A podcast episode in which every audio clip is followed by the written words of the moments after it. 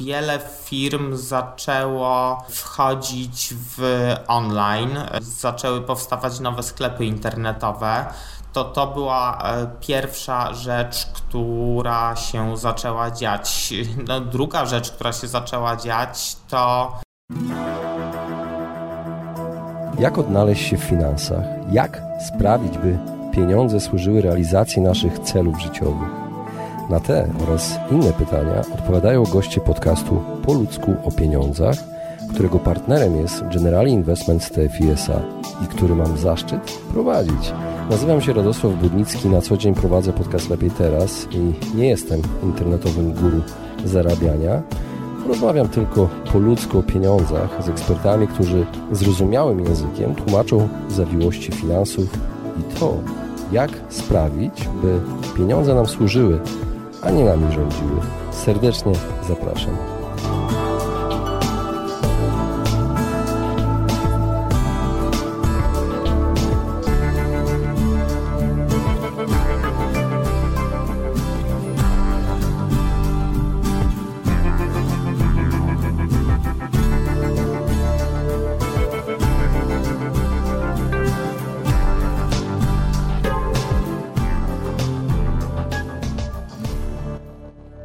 Witam Was serdecznie w kolejnym odcinku podcastu Po ludzko pieniądzach. E, dzisiaj moim gościem jest prawnik i podcaster oraz, jak sobie mówi, ultramaratończyk Piotr Kantorowski, który opowie dzisiaj o tym, jak bezpiecznie robić zakupy w sieci. Piotr opowie nie tylko o tym, zdradzi też, e, co takiego zmieniło się w ostatnich tygodniach w jego pracy, czym interesują się teraz przedsiębiorcy, z czym przychodzą do prawnika w okresie właśnie ostatnich kilku tygodni, zdradzi, co zmieniło się w naszych zachowaniach konsumenckich, jak postrzega zmiany, które obecnie zachodzą. Porozmawiamy o zakupach y, online, o bezpiecznych zakupach, o tym, jak nie dać się oszukać, co zrobić, jeżeli już zostaniemy oszukani y, przez jakiś sklep lub y, nieuczciwego sprzedawcę. Dowiecie się również, czy da się zweryfikować sprzedawcę i jak to zrobić. Serdecznie zapraszam do wysłuchania tego odcinka.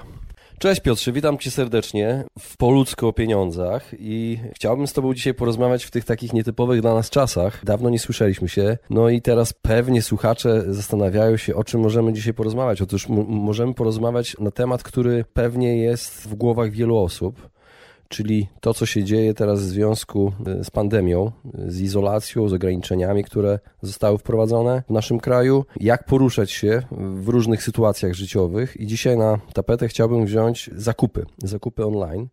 No ale na początek chciałbym, żeby słuchacze poznali się z Tobą, e, czym się na co dzień zajmujesz. Cześć Radku, bardzo miło mi po raz kolejny już y, gościć w podcaście po ludzku o pieniądzach i witam wszystkich słuchaczy. Nazywam się Piotr Kantorowski, jestem radcą prawnym, przedsiębiorcą, ultramaratończykiem. To ostatnie akurat w obecnej chwili to najmniej ze względu na liczne ograniczenia. E, no i w mojej codziennej e, pracy zajmuję się głównie obsługą firm, więc ponieważ te obecne, powiedziałbym, dziwne czasy mocno uderzyły w gospodarkę, no to powiedziałbym, że i dużo i niedużo się tu dzieje. To tak brzmi może enigmatycznie, ale tak to trochę wygląda. Piotrze, zapomniałeś dodać, że jesteś też podcasterem i moi drodzy, Piotr ma podcast Prawo dla Biznesu, także Was zapraszam do subskrypcji. No i nawiązując do tego, co powiedziałeś, do Twojego ostatniego zdania. Jako prawnik, czy zauważyłeś zmianę w tym, z czym do Ciebie teraz przychodzą klienci? Radku, zauważyłem zmianę, tylko też mam takie wrażenie, że to jeszcze za wcześnie, żeby mówić, w którym kierunku to pójdzie. Tak, e, pierwszy ruch, jaki się pojawił w okolicach pierwszych obostrzeń prawnych, czyli tam 13 e, marca mniej więcej, tak to trzeba e, upatrywać ten moment, to e, wiele firm zaczęło wchodzić w online, zaczęły powstawać nowe sklepy internetowe. To to była e, pierwsza rzecz, która się zaczęła dziać. No, druga rzecz, która się zaczęła dziać, to zauważyliśmy jednak znaczący spadek w zakresie takich e, realizacji planów, o których e, wspominali wcześniej klienci, to znaczy miały być rozpoczynane jakieś nowe projekty, a nagle się one zawiesiły.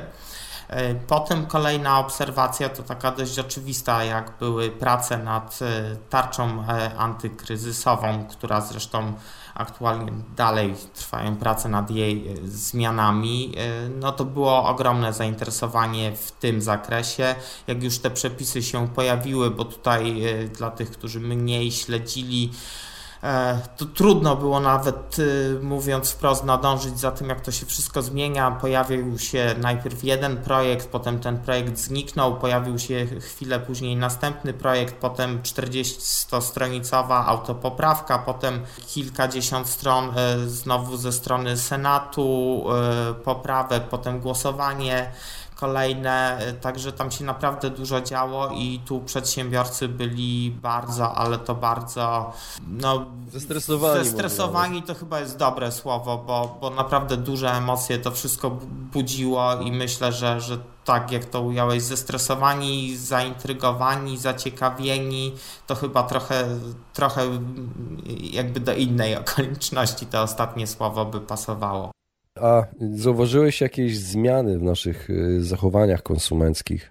No tu myślę, że wszyscy zauważyliśmy zmiany w zakresie zachowań konsumenckich. No na pewno wiele osób y, zintensyfikowało zakupy online'owe i myślę, że chociaż pewnie sporadyczna część osób y, z e-commerce'u do tej pory nie korzystała lub prawie nie korzystała, to myślę, że ta grupa się na pewno e, aktywowała w tym momencie i już w zasadzie wszyscy korzystają z zakupów e, online no bo tak jakby te obecne dziwne czasy trochę to na nas y, wymusiły. Tak jakiego kto by nie miał podejścia do obecnej sytuacji, jakich by nie głosił poglądów, to myślę, że im dłużej w niej jesteśmy, tym bardziej wszyscy finalnie dochodzą do wniosku, że no co, co myślę, to myślę, ale może jednak lepiej kupię przez internet. No tak, mówią, że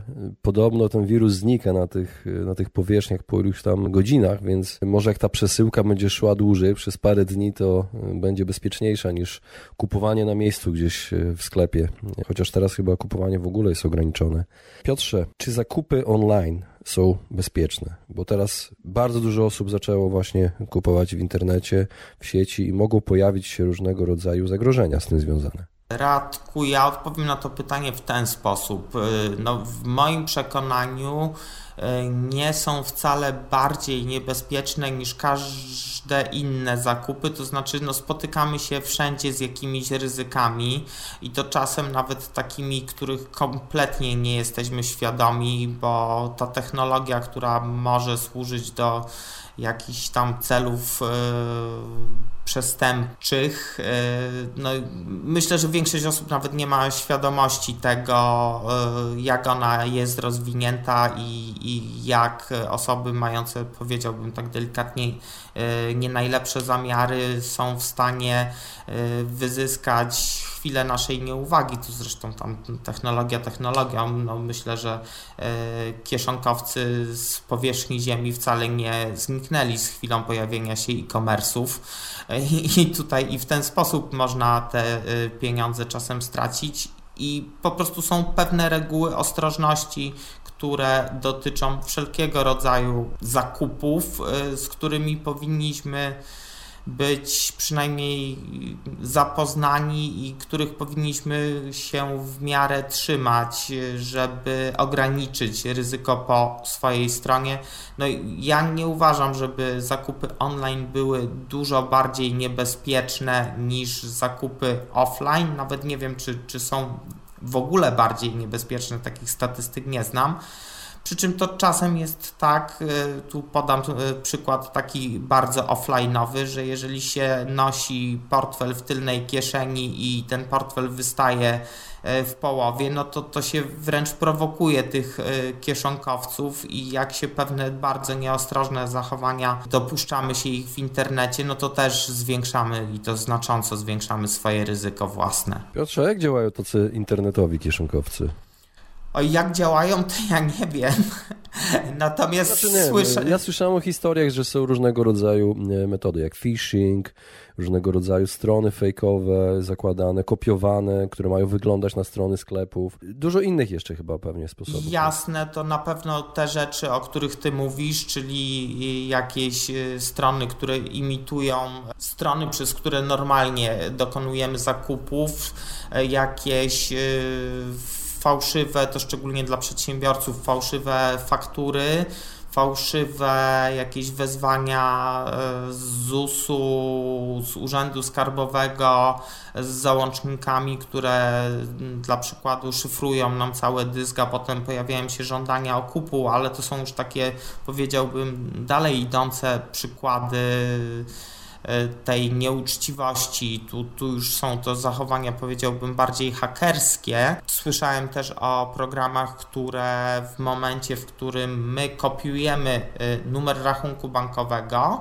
one e, podmieniają w nich tym rachunku bankowym cyfry i finalnie wklejamy do przelewu nie ten rachunek bankowy i przelew idzie na rachunek y, spółki, na który spółki, no to zazwyczaj są spółki, na który w ogóle nie chcieliśmy zapłacić tracimy w ten sposób środki. No, ja słyszałem o jednym przypadku, gdzie no, policja prowadząc postępowanie no, namierzyła, że to jest rachunek bankowy spółki na, zarejestrowanej na Syberii. Tam akurat była to duża firma, która straciła w ten sposób pieniądze, a straciła 1000 e, zł, więc yy, krótko mówiąc zostało to wpisane w koszty, wprowadzono nowe procedury związane z zwiększeniem tej ostrożności, tego bezpieczeństwa, natomiast no, przeróżne są tutaj takie zaawansowane, powiedziałbym, hakerskie metody, no ale czasami po prostu no, może być to takie, powiedziałbym, zupełnie zupełnie proste oszustwo, czyli krótko mówiąc, y, znajdujemy towar, chcemy go kupić, dostajemy dla przykładu proformę, a e, potem no, nie ma towaru, głuchy telefon tam jeszcze na jeden czy na dwa maile ktoś odpisze, udając, że nam wysłał przesyłkę. No z takimi sytuacjami zupełnie przyziemnymi też się można spotkać. Ja słyszałem też o SMS-ach, gdzieś jakieś super okazje są, są linki w tych SMS-ach i tam przekierowuje cię do różnych bardzo ciekawych stron. Piotrze, a jak nie dać się oszukać? Ja myślę, że tak jakby klucz jest trochę w tym, y, co sam przed chwilą powiedziałeś, czyli y, weryfikujmy przede wszystkim i to tak dobrze weryfikujmy te super okazje, no bo trochę jest tak, że y, poniżej pewnej ceny trudno zejść, prowadząc taki biznes oparty na przepisach prawa. No tak to ładnie określę, czyli prowadząc biznes w sposób e, zgodny z prawem, może od tej strony, i jak nagle pokazują się jakieś super e, oferty, no cenę drugiej takiej niskiej ceny nie jesteśmy w stanie znaleźć w całym internecie i jest to jeszcze jakiś totalnie nieznany nam sprzedawca, no to może nam to już w pewien sposób zaświecić się jakaś lampka, takie żółte światło się E, może czasem pojawić, które powinno nam dać do myślenia. Ja oczywiście też nie stawiam tezy, że każda super atrakcyjna cena to jest jakaś fejkowa oferta, bo, bo, bo to broń Boże nie idziemy w tym kierunku. Natomiast no, powinniśmy wtedy się zastanowić, czy aby na pewno jest to transakcja bezpieczna. To taka pierwsza podstawowa rzecz. I druga podstawowa rzecz, która też w żadnej mierze z jakimiś sztuczkami prawnymi i tajną wiedzą prawników nie jest związana, no to jak znajdziemy taką e, ofertę, która nas interesuje, no zawsze możemy w Google'ach poszukać, czy są jakieś opinie na temat danego sprzedawcy. No, to też nam czasem może dać do myślenia i to jest w stanie zrobić każda jedna osoba i to nie jest oparte na żadnej tutaj mówię wiedzy prawnej. Natomiast jest też kilka rzeczy, które y, możemy posprawdzać, mając jakąś już większą wiedzę y, w kontekście, y, no, powiedziałbym, prawnym poniekąd, czyli w jaki sposób możemy zweryfikować przedsiębiorców, którzy handlują w internecie. Piotrze, no właśnie, pytanie. Jak sprawdzić, czy sklep online jest uczciwy i nasze dane karty są bezpieczne, że nie trafiły do złodzieja po prostu? Jeżeli chodzi o dane karty, no to zazwyczaj to będą jakieś przelewy, które niekoniecznie są związane z udziałem z sprzedającego. No jeżeli stosuje jakieś nakładki takie, powiedziałbym, hakerskie, to to tu by trzeba było pewnie osób, e, tak jakby od strony IT, bezpieczeństwem się zajmujących pytać. Natomiast no, z całą pewnością, jeżeli mamy jakieś wątpliwości, to e, ja bym zaczął od tego, żeby poszukać w czy dany sprzedawca ma jakiś regulamin w swoim sklepie internetowym. No, powinien go mieć zgodnie z prawem i w tym regulaminie też powinno być napisane, kto tym sprzedawcą tak realnie jest. Jak się okazuje, że jest to spółka zarejestrowana w jakimś bardzo egzotycznym kraju, to też bym się mocno zastanowił, e, czy jakby ten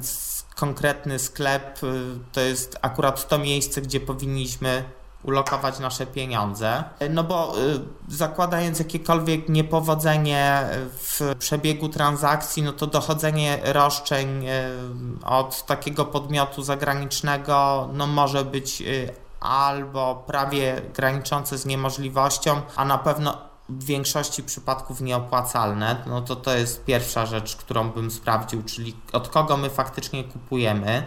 Jeżeli okazuje się, że sprzedającym jest podmiot zarejestrowany w Polsce, to możemy w CIDG albo w KRS-ie, w zależności od tego, czy to jest osoba fizyczna, czyli człowiek, czy to jest jakaś spółka, sprawdzić przynajmniej takie podstawowe dane dotyczące tego podmiotu. Ja na przykład spotkałem się kilka razy z sytuacją, w którym ktoś przez internet sprzedawał, no już bez znaczenia zupełnie co on sprzedawał. W każdym razie przy weryfikacji okazało się, że w tej spółce, która była wskazana jako sprzedający, nie ma zarządu, jest wykreślony zarząd. E, już jakie były przyczyny tego wykreślenia, to zostawmy może na boku, no ale taka spółka nie powinna funkcjonować w obrocie, a tam funkcjonowała.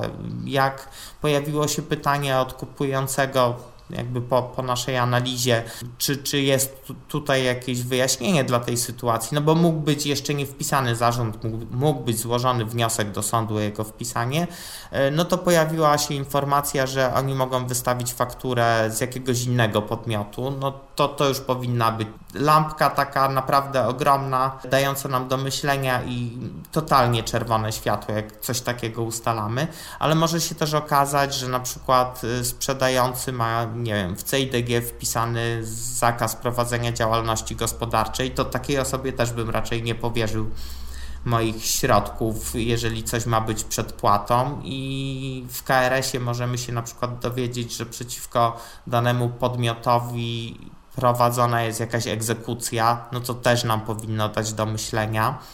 Więc analizując takie dokumenty, które są dostępne online i za darmo i dla każdego, już możemy się czegoś dowiedzieć o podmiocie, o firmie, od której kupujemy. Mówiłeś mi też, y, rozmawialiśmy kiedyś na temat jakiegoś kazusu. Mówiłeś, y, że kupując samochód, y, czy mógłbyś opowiedzieć o tym kazusie? Ja spotkałem się z kilkoma takimi sytuacjami dotyczącymi samochodu i tutaj jakby zacznę od tego, że ja osobiście rekomenduję nie kupować poza platformami, na, którymi, na których były y, wystawione ogłoszenia, bo to też powinno nam czasami dać do myślenia. Ja powiem tak, mam świadomość, że te platformy pobierają prowizję i jakby mm, sprzedający może taniej sprzedać, a kupujący tym samym taniej kupić, jeżeli to jest poza tymi platformami, ale część platform powiedzmy, że w jakiś sposób już chroni kupujących tak sama z siebie, a z drugiej strony no, pojawia się potem problem dotyczący tego, y, jaki realnie miał być ten produkt, który kupujemy. Ja miałem taką sytuację, to już dobre kilka lat temu. Ktoś kupił samochód, oczywiście oferta była tego rodzaju, że samochód jest bezwypadkowy. Rocznik był wskazany, mówię, to było kilka lat temu, tam był rocznik wskazany początek 2000 2008 roku, a jak już kupił ten samochód i zaczął nim jeździć, coś tam z nim było nie tak, zaczął bardziej tę sprawę badać. No okazało się po pierwsze, że ten samochód wcale nie był rocznik 2008 e, początek, tylko był końcówka 2007. No to to już akurat dla fanów motoryzacji ma myślę niebagatelne znaczenie, a dla wszystkich innych też ma znaczenie. Potem się okazało, że on może był w takim bardzo dosłownym znaczeniu bezwypadkowy, ale był samochodem popowodziowym. W sensie był zalany w trakcie powodzi, co tam się udało ustalić y, po bardziej dogłębnej analizie.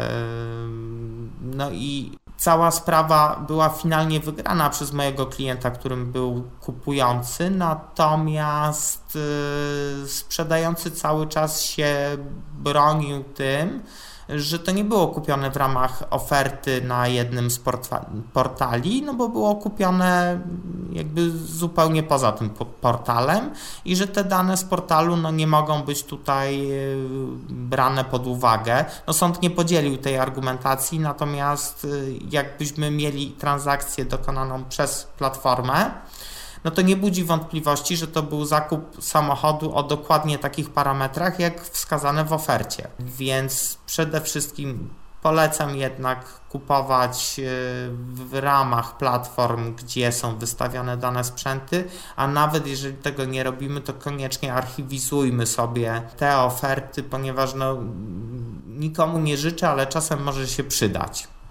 Mhm. Piotrze, ja nawiążę do tego, co powiedziałeś na temat sprawdzania sklepów jeszcze. Masz rację. Pierwsza rzecz, którą zawsze robiłem na początku, kiedy zetknąłem się z zakupami online, to było sprawdzanie, czy sklep ma w ogóle adres fizyczny. Wiesz, zawsze bałem się kupować rzeczy w sklepach, które nie mają adresu fizycznego, numeru telefonu, tylko sam e-mail.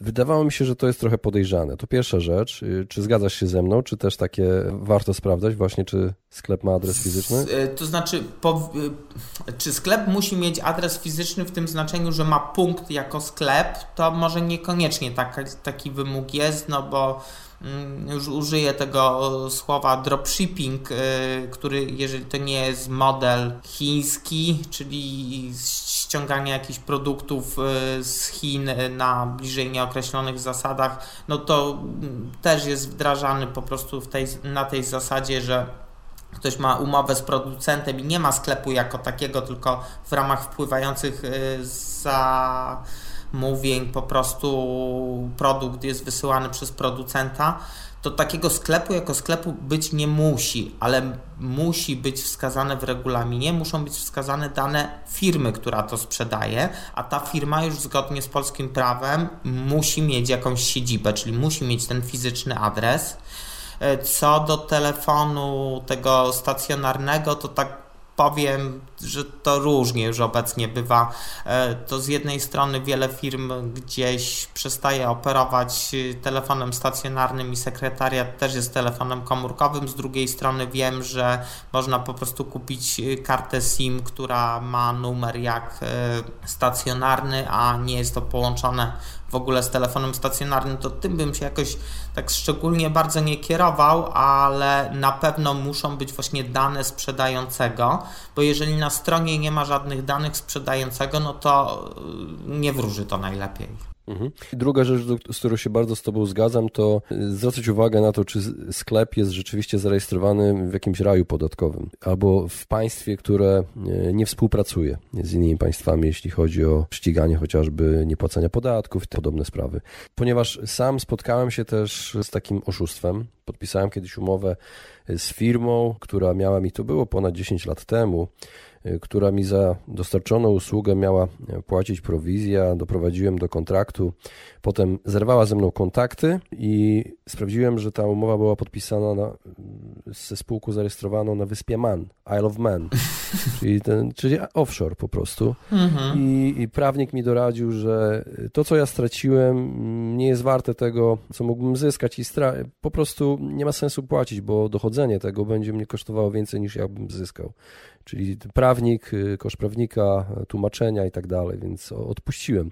Więc tutaj się z Tobą zgadzam. To podobnie może działać też przy dochodzeniu należności za oszustwa przy zakupach online. E, no, no niestety tak to działa e, i, i tutaj tego w pewnym sensie, mm, no tak już powiem, potocznie nie przeskoczymy, że jeżeli zawieramy transakcje międzynarodowe, to dochodzenie jakichkolwiek roszczeń jest bardziej skomplikowane i finalnie jest też po prostu droższe, bo nawet jeżeli będziemy mieli sprawę rozstrzyganą przez sąd w Polsce, to jak przyjdzie do egzekwowania roszczeń przez komornika, no to to nie będzie komornik w Polsce, jeżeli y, dotyczy to podmiotu zagranicznego, więc tam jest jeszcze cała dalsza procedura, to już może nie wchodźmy w szczegóły, bo tu jest, y, że tak powiem, y, dużo do opowiadania, natomiast jest cała procedura, która wiąże się z tym, żeby takich roszczeń móc dochodzić za granicą i to jest po prostu drożej. Jeżeli mamy sprawę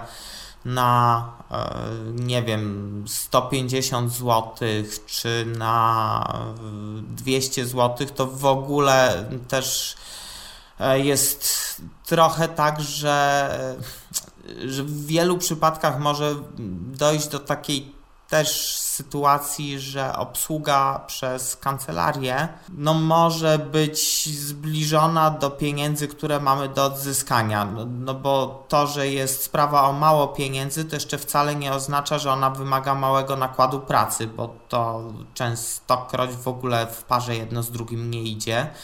E, no i tutaj całe szczęście są w takich sytuacjach jeszcze takie mm, raz y, często są jakieś fundacje, stowarzyszenia działające na rzecz konsumentów, a dwa no to mamy e, miejskich, e, powiatowych rzeczników praw konsumenta i tam możemy się w takich drobnych roszczeniach, jeżeli sobie nie radzimy z tym sami, szukać darmowej pomocy.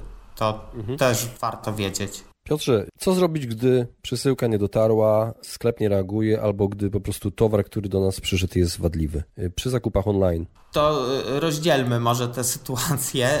Y, jeżeli towar jest wadliwy, no to możemy przede wszystkim skorzystać z uprawnień związanych z rękojmią, ewentualnie z gwarancją. Tu warto rozróżnić te dwie rzeczy, bo gwarancję to mamy, jeżeli ktoś nam ją da to tak normalnie powinien być, tak tradycyjnie na to patrząc, powinien być dokument gwarancji, ale często to tam jak gdzieś na pudełku jest y, też napisane o jakiejś gwarancji producenta, ale w instrukcji też na, najczęściej coś takiego pada, natomiast y, rękojmie mamy z y, samych przepisów i co więcej jeszcze do konsumentów nie można jej wyłączyć.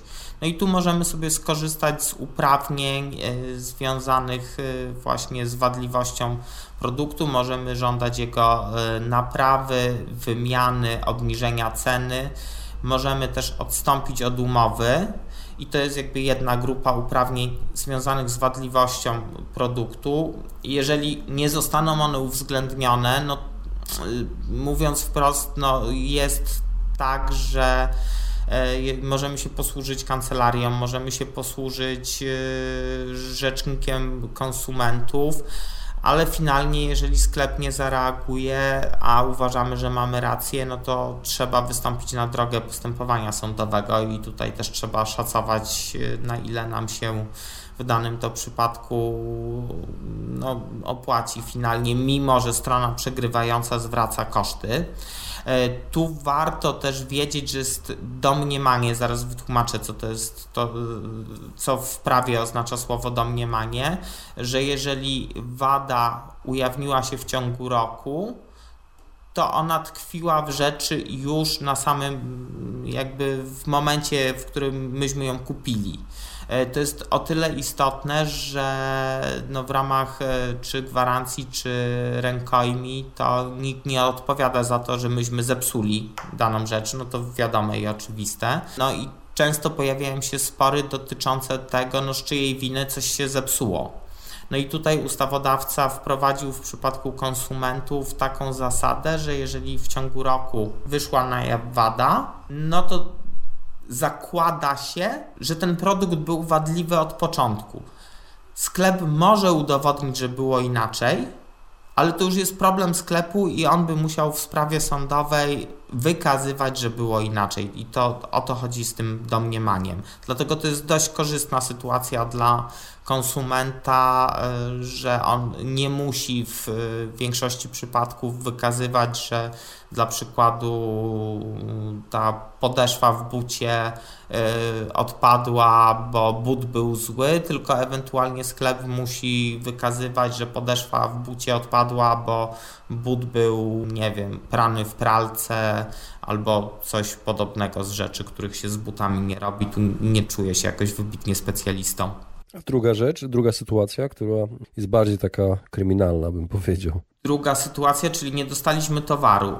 E, no to tu, e, jeżeli, znaczy powiem tak, no jeżeli mieliśmy zapłacić e, przy odbiorze, to w większości takich konsumenckich sytu sytuacji myślę, że najlepiej jest zamówić gdzie indziej, pisząc jednak wcześniej do sprzedawcy, że odstąp odstępujemy od umowy, żeby nie było jakichś niejasności, że on nam dostarczył ten produkt później. Zresztą w ogóle mamy 14 dni na odstąpienie od umowy zawartej na odległość, więc jakby nawet nam przyszedł ten produkt, to go możemy odesłać, tylko po co sobie czasami zamieszanie robić?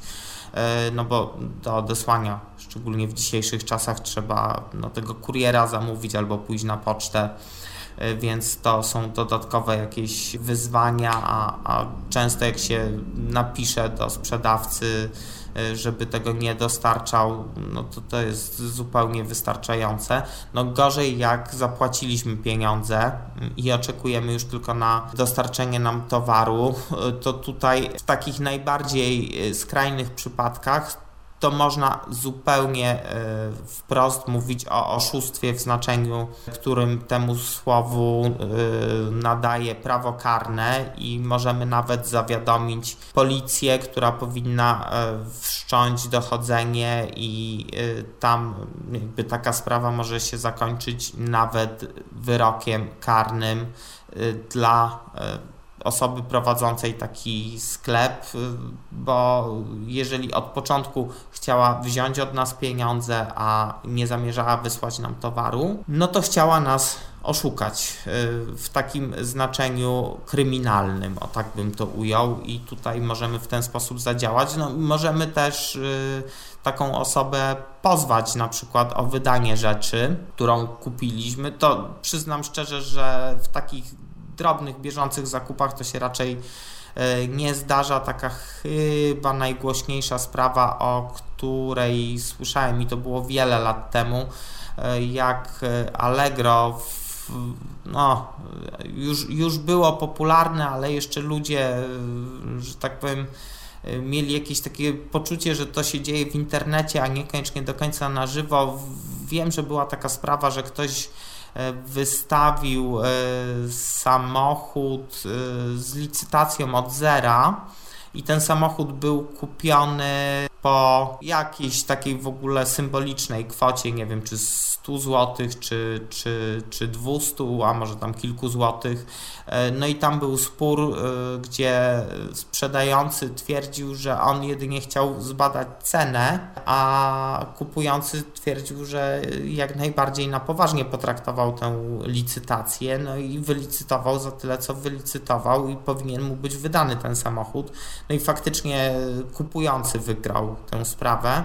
E, nie wiem, jak to się skończyło, bo tego samochodu ponoć w ogóle nie było. To była jakaś taka, nazwijmy to tak współcześnie bardziej fejkowa oferta, e, ale tu na, prawie na pewno należałoby mówić o konieczności zapłaty odszkodowania w przypadku, gdyby ten samochód nie został wydany. Piotrze, powiedziałeś o możliwości, o możliwości odstąpienia od umowy w ciągu 14 dni, kiedy zakup jest przez internet.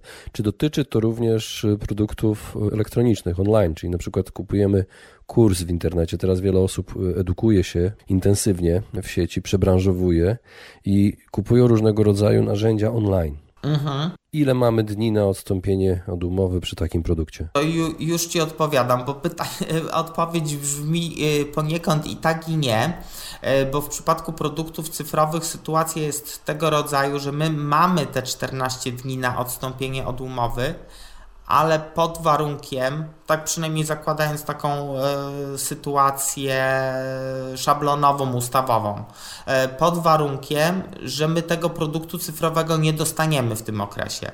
Możemy natomiast, i to zazwyczaj się odbywa poprzez checkbox, mówiąc wprost, zrezygnować z prawa do odstąpienia i uzyskać produkt od razu. No i wtedy nam już to prawo nie przysługuje. Oczywiście też jest tu wiele takich, powiedziałbym, umownych, czyli wynikających z regulaminów e, danego kursu online modyfikacji.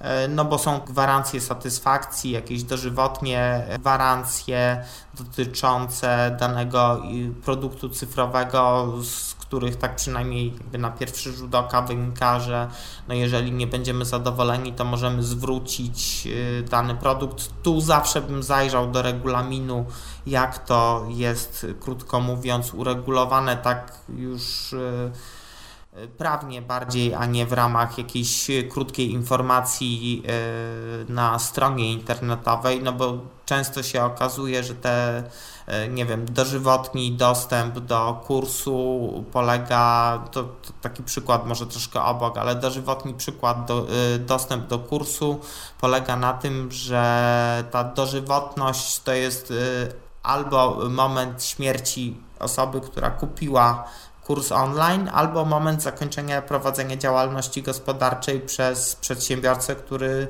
ten kurs online udostępnia. No, to niekoniecznie jest równoznaczne z dożywotnim dostępem, tak rozumianym potocznie, no bo wszyscy to łączą raczej z osobą kupującą produkt, a nie e, dajmy na to spółką, która ten e, produkt, to e, ten e-learning sprzedaje. Piotrze, zbliżamy się do końca i na koniec mam do Ciebie pytanie. No, nie wiem, czy będziesz miał odpowiedź, ale zastanawiam się, jakie masz przemyślenia na ten temat.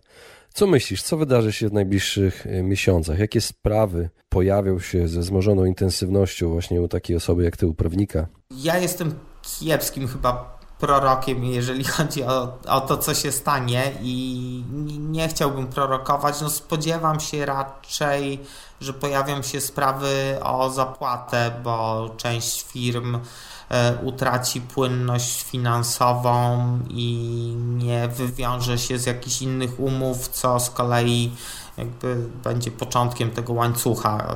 No, niestety tego łańcucha braku płatności kończącego się pewnie w niektórych przypadkach e, upadłościami przedsiębiorców, przedsiębiorstw. No to jest taki czarny scenariusz. No, scenariusz mniej e, czarny jest taki, że nauczymy się jakoś funkcjonować w tym online, e, dopóki offline'owa nasza aktywność jest mocno ograniczona i że może ze stratami, ale jednak z obronną ręką wyjdziemy z tego ja powiem tak, rozmawiałem z osobą, która przeszła przez kryzysy tak od lat 90. wszystkie, które były, dalej aktywnie prowadzi działalność gospodarczą e, i ta osoba mi powiedziała, że na jej oko jeszcze kryzysu nie ma, ale niebawem może być. Tak, biorąc pod uwagę jej doświadczenia, jak wyglądały te kryzysy w latach ubiegłych 2008, 2009 czy 2000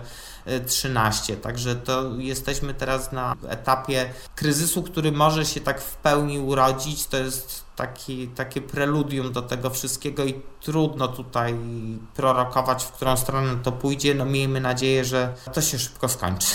No właśnie. Piotrze, bardzo Ci dziękuję za rozmowę. Życzę Ci przede wszystkim dużo zdrowia. Uważaj na siebie. E, Radku, Tobie również dużo zdrowia. Bardzo Ci dziękuję za zaproszenie i słuchaczom także dużo zdrowia i jak najmniej problemów związanych z tym, co się wokół nas dzieje. Dziękuję. Dziękuję.